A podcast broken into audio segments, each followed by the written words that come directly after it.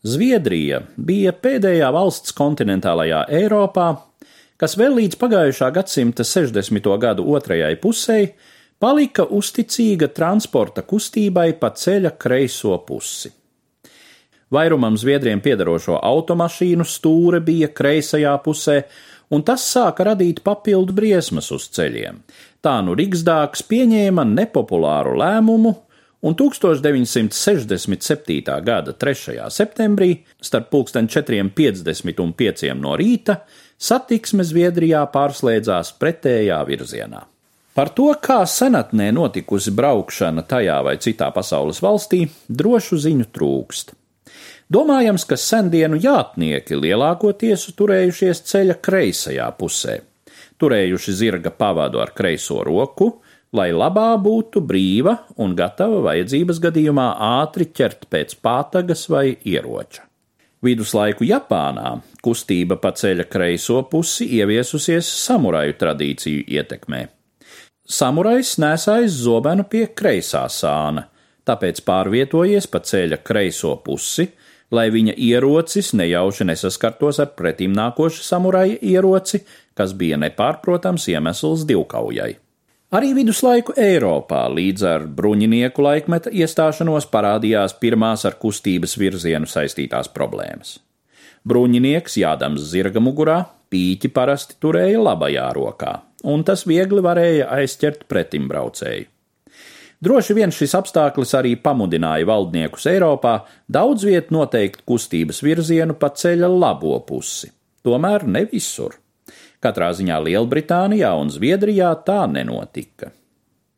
Visai populārais stāsts par to, ka braukšanu pa labo pusi iekarotajās zemēs ieviesis imperators Napoleons Bonaparts, lai tādējādi atšķirtos no kārtības nīstajā Anglijā, tomēr laikam gan ir tikai leģenda. Toties ir droši zināms, ka Krievijā braukšanu pa ceļa labo pusi jau 1752. gadā ar savu ukazu noteica cariene Elizabete Petrovna. Īsti aktuāla kustības virziena problēma gan kļuva tikai pēc Pirmā pasaules kara, kad uz Eiropas un Ziemeļamerikas ceļiem arvien lielākā skaitā sāka parādīties līdz tam neiedomājamā ātrumā ripojošās automašīnas. Tas pamazām piespieda valstu valdības noteikt vienotu kustības kārtību visā valstī, lai gan, piemēram, Austrijā, kur tradicionāli bija spēkā braukšana pa kreiso pusi, uz kustību pretējā virzienā pārgāja tikai pakāpeniski 20 gadu laikā.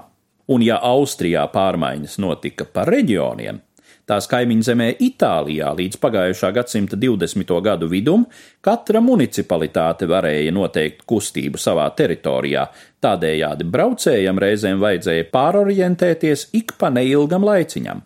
Šo haosu pie varas nācis izbeidza diktators Musolīni. Ja lēmumu par kustības maiņu Zviedrijā atstātu tautas ziņā, iespējams tur joprojām brauktu pa ceļa kreiso pusi. Skeptiķu pareģojumi par strauju negadījumu skaita pieaugumu nepiepildījās. Gluži otrādi, pirmajos gados pēc pārējas negadījumu skaits pat kritās. Tas gan skaidrojams drīzāk nevis ar labās ceļa puses priekšrocībām, bet gan ar to, kā ap to pašu laiku par 10 km/h tika samazināts vidējais atļautais braukšanas ātrums, un arī daudzi zviedru pensionāri, negribēdami mācīties braukt pa jaunam, atmeta braukšanu pavisam. Stāstīja Eduards Liniņš.